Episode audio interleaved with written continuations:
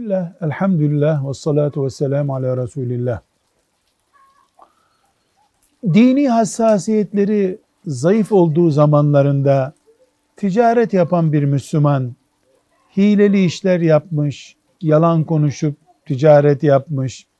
Sonra Allah kalbine hidayet verip Müslümanca takva bir hayat yaşamaya başlayınca geçmişine dönüp bakmış ki yalanlı, hileli, hurdalı işler yapmış. O zaman da para kazanmış. Şimdi yıllar geçti. Ne yapacağım ben? O paraları yedim, çoluk çocuğuma yedirdim diye düşünüyor. Diyoruz ki çeşidi, büyüklüğü, küçüklüğü ne olursa olsun bütün günahlar tövbe kazanında yıkanır. Tövbe ve istiğfarın temizlemediği bir şey yoktur. O günkü ticari ilişkiler için tövbe et. Samimi, bozulmaz bir tövbe et. İstiğfar et.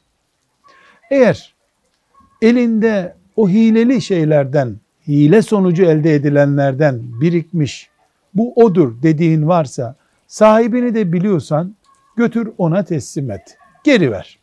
Hayır, bu mümkün değilse tövbeni koru, tekrar yapmamaya karar ver, çok çok sadakalar ver.